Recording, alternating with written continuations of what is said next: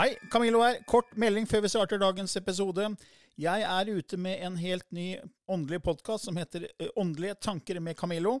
Du finner mer informasjon om den hvis du går til camilloloken.no skråstrek gratis. camilloloken.no skråstrek gratis. Der er det også overraskelser til deg som er fast lytter av mine podkaster.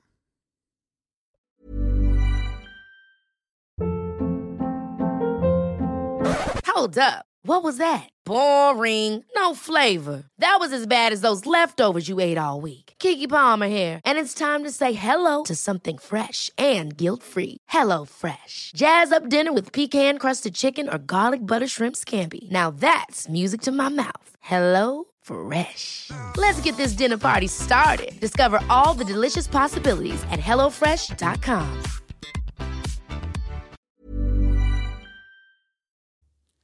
I denne podkasten belyser vi temaer innenfor den ikke-fysiske åndelige verden, og hva vitenskapen eventuelt sier om dette.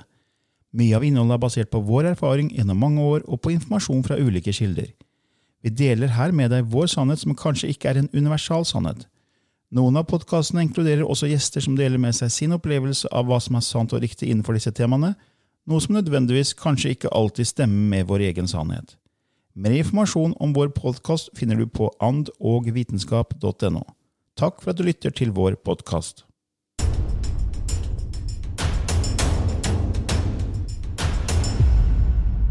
Ja, da er vi i gang med enda en episode i Ånd og vitenskap med Lilly Bendris og Camillo Løken. Ja, Lilly, i dag har vi en eh, svar, spørsmål- og svar-episode. Ja, det har vi.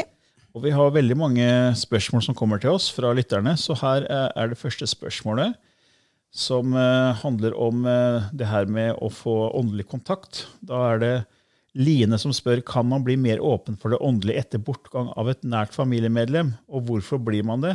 Jeg har aldri trodd på noe som helst, men ble automatisk åpen for alt av det spirituelle etter min mors bortgang. Kan også oppleve mer forklarlige ting etter dette. Mm. Ja, dette er jo um, Det skjedde jo Min åpning skjedde jo ett og et halvt, to år uh, etter at min far døde. Men jeg følte ikke at jeg hadde en connection med det på det tidspunkt. Men i ettertid så har jeg jo tenkt at kanskje min far ble bevisst min livskontrakt, og forsøkte å trekke noen tråder for at det skulle skje det som skjedde med at jeg traff de personene som satte hele dette maskineriet i gang. Uh, jeg tror at um, uh, man automatisk Altså vi, spesielt i Vesten, vi vil helst ikke tenke på døden. Uh, og så skjer jo da det såkalt utenkelige, at vi mister noe nære og kjære. Og våre tanker dreier seg om hvordan har de det, hvor, hvordan, hvor er de nå, er de borte for alltid, kan de høre oss? Så man begynner å bruke sin tanke og bevissthet og sette den mot en verden som ikke er synlig. Og der er vel broa, tenker jeg da. De begynner å vandre over den broa til den andre verdenen. Og så blir de kanskje møtt på halvveien. Og så kan disse to verdenene eh, På en måte du skrur på kanalen, og så plutselig så møtes de. Fordi at det er den som har gått bort, vil nok også selvfølgelig merke savnet og tankene til de gjenlevende. Og at det der Du da kommer inn på kanalen, rett og slett. Eh, fra begge sider. Mm. Og noe da kanskje merkelig begynner å skje. Lysa begynner å blafre, man får noen tegn. Så det er jo tankesett og bevisstheter mot det som ikke er synlig, som jeg mener det har laga en, en liten gågate Mm. som du kan vandre, for å gjøre dette veldig enkelt, da. Ja, for det jeg også har tenkt er at eh, Når man på en måte er i savn eller sorg, så kan det også gjøre noe med hjertesakra. Ja. At man åpner opp mer hjertesakra sitt, som er på en måte bindeleddet mellom det jordelige og det ikke-fysiske åndelige. da. Så Hvis man ser på chakrasystemet, så har vi jo vanligvis snakker man om syv chakraer. De tre nederste er som rot, hara, solar plexus, og så kommer hjertet. ja. Så det er tre chakraer under hjertet, og så er det tre over, som er det hals og eh, tredje øye, og så kronesjakra. Så hjertet er liksom det som binder Ja. det jordelige med det åndelige, ikke-fysiske. Eller blanding. altså Det holder det fyr. Det er broen som du snakka om. Mm, Ja, ikke sant? Så, ja. det, så i noen tilfeller kan det kanskje være at hjertesakra åpner seg mer, og da blir man, får man mer kontakt med sine intuitive evner Mm. og kan ta inn mer informasjon fra den ikke-fysiske verden. da. Så Det tenker jeg også kan være Mm. Ja. en mulighet. da. Yes. Høres logisk ut, eh, Camillo. Ja, da håper jeg det var eh, greit svar til deg som lurte på det, som var Line. Eh, så har vi et eh, her fra en far som heter Patrick, som spør at har, han er en ivrig lytter av podkasten vår, og lurer på om vi kan forklare noe som han har tenkt på etter at han blir far. Jeg forstår, altså jeg forstår det biologiske med at barnet vokser inni i mors mage og blir født, og vet at dette er biologi. Men eh, det som er utfordringen, er på en måte å forstå det at eh, med menneskets personlighet Det må jo komme fra et sted. Jeg mener sjelen, det som da skiller oss fra levende roboter, hvor kommer det fra? Det er et menneske der som ligger der i en liten bylt, og det sanser som oss andre får kompliserte tanker etter hvert, som den fanger opp gjennom språket. Hvor kommer da sjelen fra? Eller har det bare oppstått? Kan noen sjeler være helt nye? Ja, Som vi har sagt før i mange episoder, så, ble vi jo formet av det miljøet vi vokser opp i. Vi er, eh, fra vi er i siste stadiet av svangerskapet til 6-7-årsalderen, så er våre hjernebølger i de to laveste nivåene teta og delta. Eh, I delta helt fram til toårsalderen. Mm. Da er det veldig lav eh, hjernebølgefrekvenser, altså fordi det måles jo i hertz, som er da svingninger per sekund som hjernebølgene måles i. Og fra toårsalderen opp til seks så går vi over i det som heter eh, tetta-hjernebølger. Og de to hjernebølgenivåene de har ikke noe bevisst filter. Det er ikke noe bevisst filter der. Det utvikler seg sånn seks-syvårsalderen. Så det finnes ikke noe analytisk sinn, så det er veldig lett å bli påvirket og formet i de første seks-syv årene i sin liv. Så sånn som jeg tenker at liksom, Kall det den ene eller alt som er har tenkt, da, at jeg skal erfare meg selv som at Gud eller hva du vil kalle det, skal erfare seg selv, så må jo den erfare seg i forskjellige roller, for å kalle det det. Og de Ja. rollene må jo på en måte bli gitt til noen. altså hvis sjelen er ren når den kommer inn, så skal jo den inn i en kropp og ha en rolle og ta på seg en maske, ta på seg kostyme og gå ut Ja. på scenen, liksom, som er jordens eh, plass. da. Ja. Så da må jo den rollen bli til. Og da Ja. velger man da som sjel den familien med de riktige, kall det eh, genetiske sammensetninger og eh, kall det trosmønster, kall det tanker om perspektiv på livet, og ser at her, den rammen som de foreldrene her har, disse potensielle foreldrene har, Mm. det vil passe meg perfekt, så jeg kan bli den rollen jeg har lyst til å spille, fordi jeg skal erfare sånn og sånn. Så la oss si at du skal erfare bitterhet, da. Og så velger du da foreldre som vil, har på en måte kanskje et bitterhet som tema i ikke bare i, i sin generasjon, men det går i generasjoner på hver sin side av mor og far. Og vi hadde jo intervju med Kari Rose Norheim her i en av de første episodene Ja, våre ja, ja. eh, om nær døden-opplevelser, og hun hadde jo en helt fantastisk nær døden-opplevelse. Og etter den opplevelsen så klarte hun å se, kunne hun se på et menneske, så kunne hun se hvorfor det mennesket hadde valgt mor og far, og hvorfor, og det gikk tilbake til generasjonen før det, til besteforeldre, til oldeforeldre. Hun så hele årsaken, hele forløpet, som gjorde at den rammen ble perfekt for den sjelen å gå inn der for å erfare en spesiell følelse eller en spesiell opplevelse i det livet. Ja. Eller følelse, da. At man på en måte skal utforske bitterhet, f.eks. ja. Og det kan man ofte se i, også hvis man ser på sin eget liv, hva som går igjen i ditt liv og i generasjonen til dine foreldre og til besteforeldre. Er det noe som, et tema som på en måte går igjen når det gjelder følelser? Er det bitterhet i alle slekt, liksom? slektsledd? Ja. Eh, og det så hun, da. Så det er på en måte det, sånn jeg tror at personligheten blir til. Man velger rammen. ja. Og at sjelen er jo, er jo der alltid, men sjelen velger da hvilket fartøy den skal bruke for å erfare seg selv i et nytt jordliv. Da. ja. Sånn, sånn ser jeg på det. Ja, det, mm, du har ditto, ditto enighet fra denne kanten, eh, Ja. Camillo. Det er veldig interessant. Og så var det da oppfølgingsspørsmål om, om sjeler da kan være helt nye, og det har vi jo snakka om før i en, i en annen episode, om at eh, det med nye og gamle sjeler er Tid er jo ikke egentlig Det er jo en, egentlig en illusjon, men vi ser på tid her som lineært. Ja, kan du si eh, det, det man vel egentlig tenker her, at det blir det klekka ut noen helt nye av en gammel oppskrift. Ja. Men altså, det må bli klekka ut av noe. Det må være et materiale det blir klekka ut ifra. Eh, så igjen dette med sjelspartikler, da. At nå lager vi en- en helt ny ubrukt.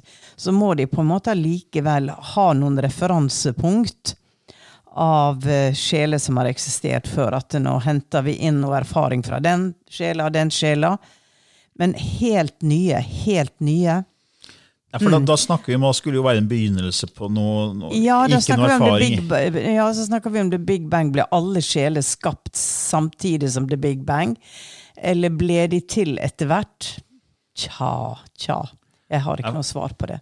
For meg så er det det her med lineær tid det er som menneskeskapt. Så for meg så er at alt skjedde samtidig, og alt skjer samtidig nå. Så nå Ja. lever du og jeg i mange andre liv samtidig, eller Ja. essensen av den vi er. da. Ja, At din sjel og min sjel, for å kalle, bruke sånne uttrykk, eh, eksisterer nå samtidig. Og så er det egentlig bare samme sjel. Alt er samme én sjel, da. Kall det Ja. Gud. ja, Som da splitter seg opp i mange forskjellige fragmenter, sjelsaspekter. ja. Og bruker forskjellige kropper, farter, for å erfare seg selv. ja. Eh, og at det ingen er eldre enn andre, men det er bare ulike erfaring, erfaringer for, for hver sjel. da. Så vi, Og så, og så er det jo dette her også Jeg husker jeg var veldig opptatt um, i en viss tid av dette at um, kan, man, kan en sjel som har vært menneske mange ganger Da, da er vi jo igjen låst inn i tida. Kan man da inkarnere eh, som et dyr? ja. Ikke sant? Er det buddhistene som er veldig opptatt av det? Eller hin Hinduismen, tror jeg. Det, det skal jeg ikke helt si sikkert, men eh, ja. ja. Man tenker sånn hierarki. Man tenker hierarki, ja. og altså hvis at, eh, hvis at du har vært dyr i mange liv, og så skal du gå over til å erfare um, det som menneske. Og da vet jeg det var en gang jeg spurte, det var mange, mange år siden, og da eh, sier det det at um, husdyr som blir gitt veldig mye kjærlighet og menneskelige impulser, lever tett på et menneske, vil begynne å adoptere hvordan mennesker er, og, vil, og sjela vil da ha et, uh, en nysgjerrighet og et behov for at uh, ja, men da skal jeg bli et menneske, da. Nå har jeg vært husdyr i ti liv. Og, og kan veldig mye om det å være menneske, så da går jeg inn og tar den rolla. Og da er det jo ikke på en måte egentlig et hierarki heller. En nysgjerrighet. Det er nysgjerrighet. Eh, ikke fordi at du har vært sånn og sånn som, eh, som dyr. Så dette er jo tanker og, og, og læresetninger som har kommet mer og mer inn eh, år etter år, da. Så jeg, jeg tenker annerledes i dag enn jeg gjorde for 30 år siden rundt disse tinga. Og eh, det er jo i den forståelsen av at eh, sjela kan også si det, at jeg vil gå inn og erfare hvordan det er å være en fjernkontroll. Og da har du jo Dolores Cannon. Nobody liked me, nobody Ja, I was, I was only used. I was only used. Ja, for det er mange da tenker man ja, men det er ikke mulig å gå inn i en død ting. Eh, men så tenker vi om Dolores Cannon, eh, som var amerikansk eh, forfatter og hypnoterapeut. Hun skrev jo veldig Ja. mange bøker. Ja, fantastisk. og det, det du nevnte, nevnte, eksempelet med fjernkontrollen som du nevnte, det, det var jo noe hun kanaliserte, eller um, kom fram i, i regresjonsarbeid. Ja. At folk fortalte at de hadde opplevd å være bevisst i en fjernkontroll. At de, hvordan det var å være i en fjernkontroll. ja. Eh, og det samme, Jeg husker Barbara Witt, som var en av, de, en av redaktørene våre på den engelske oversettelsen til bevissthetsskiftet. Når Ja. vi eh, kalte den for The Shifting Consciousness, og oversatte den til, til engelsk, så var hun en redaktør der. Den er mye bedre på engelsk. Ja, nei, Bevisste det- skifte ja. er bedre på engelsk. det engelske språket det Er så mye rikere, vet du. Ah, mye rikere. Ja. Men da husker jeg, hun, hun har jo skrevet egne kanaliserte bøker, og, og i, en, i en bok så forteller hun om kjente mennesker hun har kanalisert fra. da. Og en av dem er Albert Einstein, som, Ja. som hun sier hun fikk kontakt med på den andre siden. ja.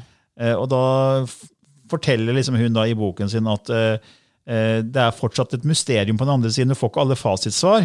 Nei. Men, men det, det da Einstein hadde sagt, at det, men jeg skjønner jo nå at jeg kan egentlig erfare meg selv som hva som helst. Ja. Jeg kan gå inn i en stein og matche frekvensen Ja. til en stein, og på en måte kalle det ikke føle, men erfare hvordan det er å være en stein. Ja. Eh, eller et tre, eller en hund, eller en fjernkontroll. da. Ja. Og da kommer vi inn på den vi snakka om før, med hologram. Hvis dette er et hologram, og alt bare er på en måte et, kall det et kosmisk sinn som leker, eh, så er jo alt mulig. Det er jo alt bevissthet. Ja. Det er ikke det at man skiller da levende fra, fra døde ting, for det bevissthet kan gå inn i alt. ja. Så ja det, ja. Det, det er, igjen så skulle man hatt sånne diskusjonskvelder hvor folk kunne komme med sine betraktninger rundt, rundt sånne tema. Jeg tror mange opplever ting, men de brenner inne med det. De sitter og har ikke noen å snakke med. Så, så kanskje det er en idé, da, Camilla. At vi skal ha sånne diskusjonskvelder rundt, rundt tema, ja. hvor Ja, alle får være med. ja, for vi syns jo det er veldig gøy å snakke om disse temaene. Ja, ja, ja. Så um, det er sikkert andre også som syns. Så Derfor vi får så mange spørsmål. ja, helt sikkert. Uh, ja, og så har vi et spørsmål her fra, fra Anne, som spør om karma og aktiv dødshjelp. Hva er deres mening om aktiv dødshjelp? Er det som å rømme fra sitt eget karma? Hmm. Jeg tror ikke det. Nei. Nei. Jeg tror at man også Altså, man kan ha en finger med i spillet til å bestemme hvilket liv man skal leve. Og da tror jeg man kan ha en finger med i spillet og også bestemme hvordan man skal gå ut. Ja. Eh, og at det er den guddommelige gava vi egentlig har. Men fordi at livet er hellig, og i religioner i, i, i sånt, så, så er det jo det at eh, Og legene, du skal redde liv, og, eller holde folk i live så lenge som mulig. Og da hvis man går til naturen, da, eh, hvor man ikke går inn med noe som helst Elefanten går ut og legger seg alene når den vet den skal dø. Det er ikke det, det ordner opp på en måte som allikevel kan synes naturlig. Andre ville si den er grusom. Du må jo redde. Så vi griper jo inn i naturen ved å opprettholde et liv når kanskje den læringa er ferdig. Men så kan det jo være at personen velger og skal ha et dilemma rundt dette. Kanskje har personen eh, eh, tidligere tatt sitt eget liv, gjort det veldig lettvint, og må nå utholde eh, å være i livet. Eh, har ikke noe valg. Så du skal erfare det. Så, så vi, vi vet ikke, men jeg, når jeg får ordet en guddommelig nåde, og at du er født med en nådegave, og at den nådegava blir din oppgave i livet å um, behandle på best mulig, visest måte. Og hvem kan da si om det er rett eller feil? Så helt klart så spiller karma inn, og roller du har tildelt deg selv. Men diskusjonen rundt aktiv dødshjelp, den, um, den vil nok eh, foregå så lenge man vet at man har Eller ikke vet, eller man tror at man har bare ett liv. Mm, Og at det livet skal leves i så mange dager som mulig. ja, det er akkurat det. Eh, Så, så det er verken ja eller nei på spørsmålet. Jeg mener det, det, er, det kan være veldig, veldig, veldig, veldig mange eh, ting å tenke på her. Ja, for vi, vi, vi ser jo det veldig da, selvfølgelig fra menneskelig ståsted. Når det kommer Ja. sånne spørsmål, så er det jo mennesket som tenker og, og lurer på ting. Ja. Men så det jeg prøver alltid å si, hvis jeg på en måte klarte å rive meg løs fra det menneskelige rollen som kalles Camillo, Ja. se det fra et større ståsted, se at jeg er en uendelig, lever uendelig mange liv, og jeg er en sjel, så, så vil ikke det være måte et tema for en sjel, hvordan man forlater denne verden. Mm. Fordi man kan forlate i en ulykke en katastrofe eller med aktiv dødshjelp eller til og med med selvmord, Mm. som vi har snakka om i en annen episode. Mm. For sjelen er det en erfaring, og jeg tror sjelen velger sin exit. ja. Og da er det én exit. Men så kommer det det moralske dilemmaet for, for de leger som har sverget ed at de skal bevare liv. og da, hvorfor, kan noen, hvorfor vil noen da ta, gjøre aktiv dødshjelp? Liksom? Men det er et menneskelig dilemma, da. Ja. For fra sjelens ståsted så er på en måte ikke det det Jeg tror ikke en sjel på en måte Jeg, jeg tror i hvert fall overhodet ikke der er noen straff eller skyld eller skam eller noe som helst om det er det man velger. Nei. Um, og når den tanken kommer på å avslutte for eksempel et liv med veldig mye smerte um, Du er avhengig av hjelp 24 timer i døgnet. Der, der er på en måte veldig, veldig få lyspunkt. Og jeg må jo også si at jeg har hatt mange klienter gjennom disse 30 åra jeg har arbeida. Og det har vært historier hvor jeg tenker hvis jeg var i den situasjonen, så ville jeg bare dødd. Uh, og så er det allikevel en kraft inni en sånn person som ligger der helt hjelpeløs med smerte, har ikke noe liv sånn som vi ser det, da, men som har utvikla et indre liv som de føler allikevel at det er verdt å leve. Og, og da tenker jeg at det, dette var en sterk kontrakt, og dette er helt riktig at denne personen uh, skal, skal s- på en måte la sitt indre vokse. Og da kan det gjerne kanskje ha vært karma hvor det liv etter liv etter liv har vært veldig Altså, for å bruke et vestlandsuttrykk, flåsete, altså tomt, altså bare det ytre ting. Ja, ytre, ytre, ja. ja. Så Og så, så, blir, så velger man da et sånt liv hvor, hvor man helt sikkert også da blir gitt et valg. Du Mm. kan stoppe det. Du klarer det så lenge du klarer det, men du kan stoppe det. Mm.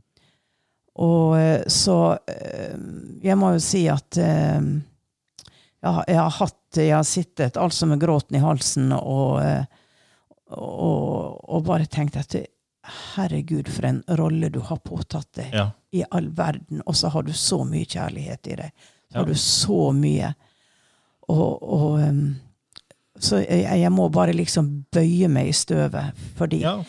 Det er jo mange tøffe roller man, man velger da som sjel, hvis vi ser på det her som et rollespill. da. Ja. Ikke sant? Eh, Jeg husker ikke om det var Neil Donald Walsh eller om det var noen andre hvor jeg leste eh, da Michael Newton kanskje var, hvor en da hadde valgt å være utelegger og blitt totalt eh, oversett av alle. ikke sant? Og Ja. sulter og sliter. Men da hadde levd et sånt overdådig liv i et annet liv og vært litt sånn overfladisk og, og liksom ikke lagt merke til mennesker, og plutselig så blir man ikke lagt merke til selv i, som uteligger. Eh, er det karma? Nei, sier mange at det er ikke karma, det er ikke straff. Altså, det er nysgjerrighet å utforske forskjellige følelser. Mm. Eh, så ja, jeg tror det er liksom sjelen klarer ikke å forstå agendaen til sjelen fra et menneskelig ståsted, så det blir veldig veldig vanskelig å snakke om det her, for det er så abstrakt. Ja. Uh, Samtidig er det jo veldig spennende, men vi, vi tror aldri vi får noe fasitsvar på sånne type spørsmål. altså. Nei, ikke med å bruke 5 av hjernen vår. Eller hva det er. Ja. eller, eller, eller hva det er, ja. Av og til så tenker jeg jeg bruker knapt én. Eh, vi har også et spørsmål der fra Kari som spør om eh, hva vi tenker om dåp generelt, og da også etter hvert voksendåp og, og barnedåp. da. Ja, men det er jo veldig enkelt. Ja. Det er jo ritualet som har eksistert. Stenaldermennesker hadde jo ritualet, det ser du på, på disse veggmaleriene. Så det går jo inn under eh, en religion, eller det som blir bygget opp, og som kan bli en religion eller en sekt eller en, en, en trosretning, at eh, det, det har en betydning. Og de som da følger den tro eller den religionen, de eh, velger jo å gjøre dette. Og jeg tror nok at eh, mange er litt sånn der sovende som bare gjør det fordi at det er noe man skal gjøre, og det har ingen personlig betydning for dem. Um, men som med alle andre ting, så tenker jeg det at eh, Ja, her sier det hvis du ikke er døpt, da, så kommer du ikke til himmelen. Eh, og det er jo ganske sterkt, for det ligger jo mye frykt i det, da. ja, Men igjen så er det sånn men- menneske, Ja, det er menneske. menneske og menneskets uh, måte å se skapelsen på. da. Ja. Og det er kanskje da én religion. ikke sant? En annen Ja. religion så er det helt annerledes, eh, kanskje. ikke sant? Så det, det, men fra sjelens ståsted, har det noe å si om man blir døpt eller ikke? liksom? Jeg tror ikke det. Det tror ikke jeg heller. Nei. Jeg, Jeg tror tror, det- det, jeg tror det at det som indianerne sier, at eh, Live your life in the best way you can. Mm. Ja. Ja, jeg håper det var et greit svar. Og så har vi også et fra Camilla som sier hei, kjære dere to. Har akkurat begynt å høre på podkasten deres og koser meg veldig med å høre deres tanker. Har du noen tanker rundt hvordan mennesker behandler jorda med tanke på klima, respekt for natur, dyr og andre mennesker? Er den tendensen vi ser nå med potensiell klimakrise, noe som ligger i korta?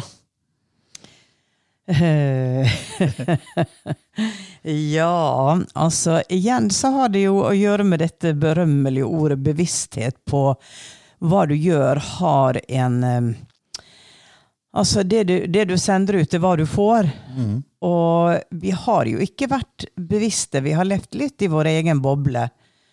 Og etter hvert som eh, individ begynner å ta opp hva som egentlig skjer, så må vi jo liksom rette oss opp i ryggen og tenke at det stemmer det, kan det være sånn? Og her er det jo også veldig mange her er jo veldig mange meninger. Noen sier at uh, oppvarming av jorda det kommer jo av at det er oppvarming av sola, eller det er solar flares og masse greier. Men det er jo ikke tvil om at vi, vi har bare forbrukt. Og at um, det er også en tid hvor man uh, må rydde opp det man har kasta fra seg. Det er jo vanlig folkeskikk. Ja. Det lærer vi stort sett når vi er barn, at nå må du rydde opp etter det. Så det er en økende bevissthet på konsekvenser av mm. det vi gjør. Ikke bare hva vi tenker, men hva vi faktisk gjør praktisk. Mm. Og det tror jeg er helt nødvendig. Eh, samtidig som jeg kjenner det at det butter litt når man skal ha skam for å spise kjøtt, man skal ha skam for å fly, man skal ha skam for det ene og for det andre. Og det er så, det er så interessant, for det det som skal være en god ting, det blir så veldig ofte snudd på hodet. Mm. Uh, og igjen så skiller man i leirer. Ja, du gjør det riktig, så du er bra. Men du, altså, du fordømmer vi for det at du kjører Jeg kjører bensinbil med god samvittighet. Tenk, tenk, på den svarte skya av, av, røyk fra de gamle bilene. Men, men, eh, fra spøk til alvor. Vi må være litt alvorlige her også, innimellom. Så, så er det jo på tide at, at vi, vi, vi tar i tu med det vi kan gjøre noe med. Alle kan gjøre noe selv. Uh, jorda klarer seg nok. Uh, ja, det er jo sånn at Hvis vi mennesker forsvinner, så blir det alltid ja, balanse igjen. Alt blir i balanse igjen, da, vet du. Dyreverden og naturen og alt bare fikser seg selv. Ja. Så vi, klart at vi påvirker. Uh, men som vi har snakka om mange ganger før, vår indre tilstand, ja. vår individuelle bevissthet, gjenspeiler seg i det ytre. Så at det som skjer nå, det er jo vi, vi mennesker er med på å skape fra vårt nivå av bevissthet. Eh, og hvis vi har et lavt nivå av bevissthet som er fryktbasert, så er det frykt vi kommer til å oppleve mer av i tiden fremover. Og hvis vi endrer og forstår konsekvensen av det vi gjør, så ja, da vil det ytre også endre seg der, mm. deretter. da. Og der tenker jeg at media er jo veldig på hugget nå. Og jeg vet bare sånn, for å ta noe så nærliggende praktisk, da, så satt jeg og så på noen program hvor de viser da at um, um, vi kjøper lammekjøtt, og så ligger der altså tonnevis med sauekjøtt som ingen vil kjøpe, som de skal kaste. Mm. Og, og, da, da, da kjenner jeg det at jeg får alle piggene ut og tenker at kaste det. Det er folk som sulter i verden. Mm. Men, dere må jo kunne gi det til noen. Dere må jo kunne uh, bruke noe. Kan ikke dere lage en kampanje? Kjøp det, da. Altså Selg det billig. Det er bedre enn at det blir kasta. Og da kommer politikk inn. Det har med priser å gjøre, og sånn mm. og sånn. Og det er, jo, det er jo sånne eh, enkle ting som, eh, som jeg tenker kan man som individ da gjøre noe? Jeg gikk ned på Meny og sa har, har, har dere bare lammekjøtt, eller kan jeg kjøpe sauekjøtt? Nei, det er jo ingen som spør etter sauekjøtt.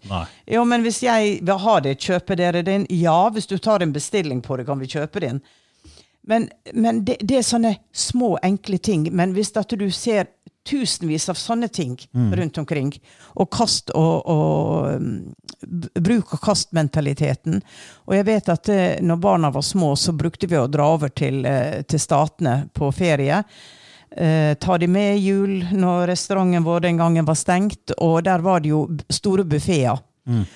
Og jeg husker hvor sjokkert jeg var fordi at eh, jeg så da amerikanerne legge hauger med mat på tallerkenen, spise halvparten, og med god samvittighet kaste det.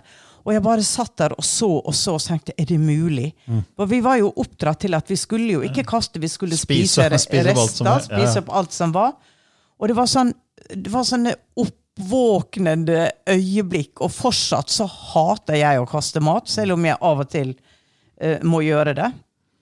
Uh, så uh, det er masse ting å ta tak i. Men igjen, bevissthet, og at man begynner å gjøre ting i flokk, så tror jeg det at uh, denne planeten kan uh, absolutt bli en bedre utgave av seg selv om en uh, 10-20 år. Mm. Ja, bra. Ja. ja, jeg tror nesten vi må avslutte spørsmålsrunden der, eller? Ja. Ja, gud. Det var, ja. Så da skal du skifte litt gir. Mm, jeg må skifte gir. Ja, og da Se hva som kommer. Ja, Dere som er faste lyttere, vet at Lilly da forbereder seg til lysspråket. Og hvis du er en lytter for første gang, så er lysspråket et kall universalspråk som Lilly begynte å kanalisere ned for eh, en del år tilbake, og som eh, hun kanaliserer etter hver episode her i vår podkast. Og hvis du vil vite mer om det, så kan du gå inn og lese mer på vår nettside andogvitenskap.no. Og Der kan du også sende inn spørsmål hvis du lurer på noe i de forskjellige temaene vi tar opp, eller andre temaer som vi ikke har tatt opp.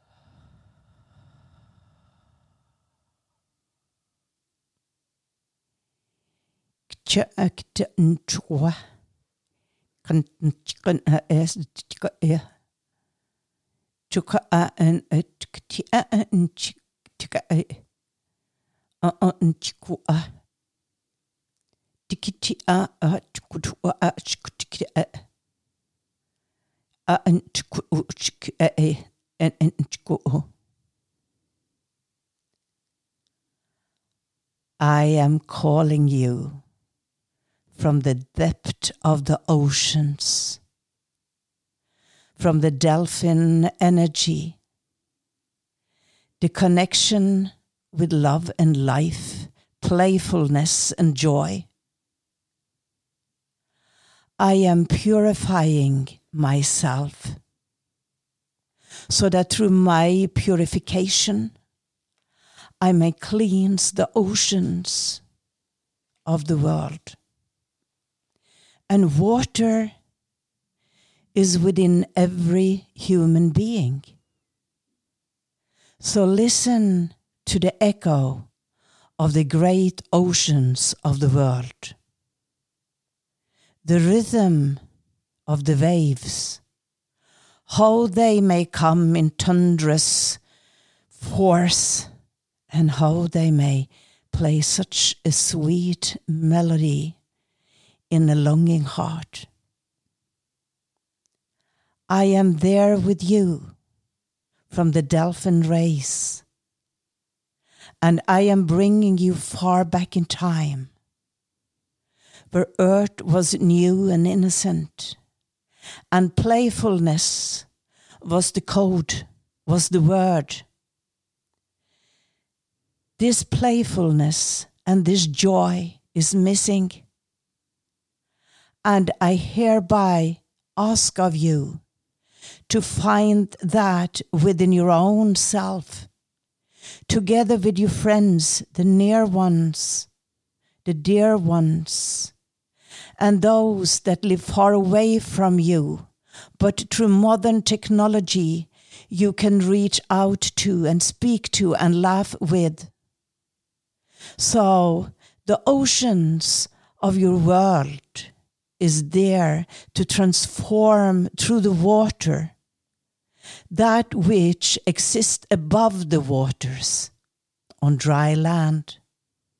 And as a rainstorm purify, take away the dust, so will we now work hand in hand with you, hand in hand with you, heart through heart, mind through mind, energy collected, connected, wisdom contained within the deepest, deepest resources of your true self. Beloved, we love you. we love you. We truly, truly, truly love you.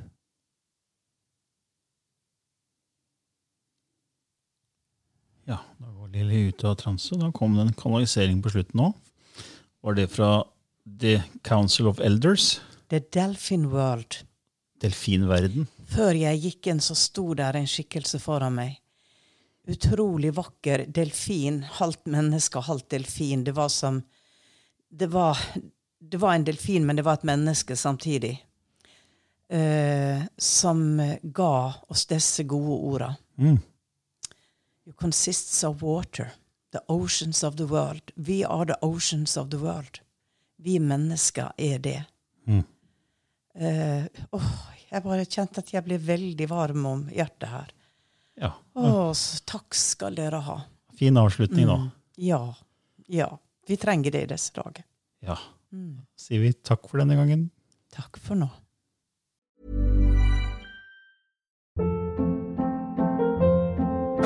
Hold up. What was that? Boring. No flavor. That was as bad as those leftovers you ate all week. Kiki Palmer here, and it's time to say hello to something fresh and guilt-free. Hello Fresh. Jazz up dinner with pecan-crusted chicken or garlic butter shrimp scampi. Now that's music to my mouth. Hello Fresh. Let's get this dinner party started. Discover all the delicious possibilities at hellofresh.com.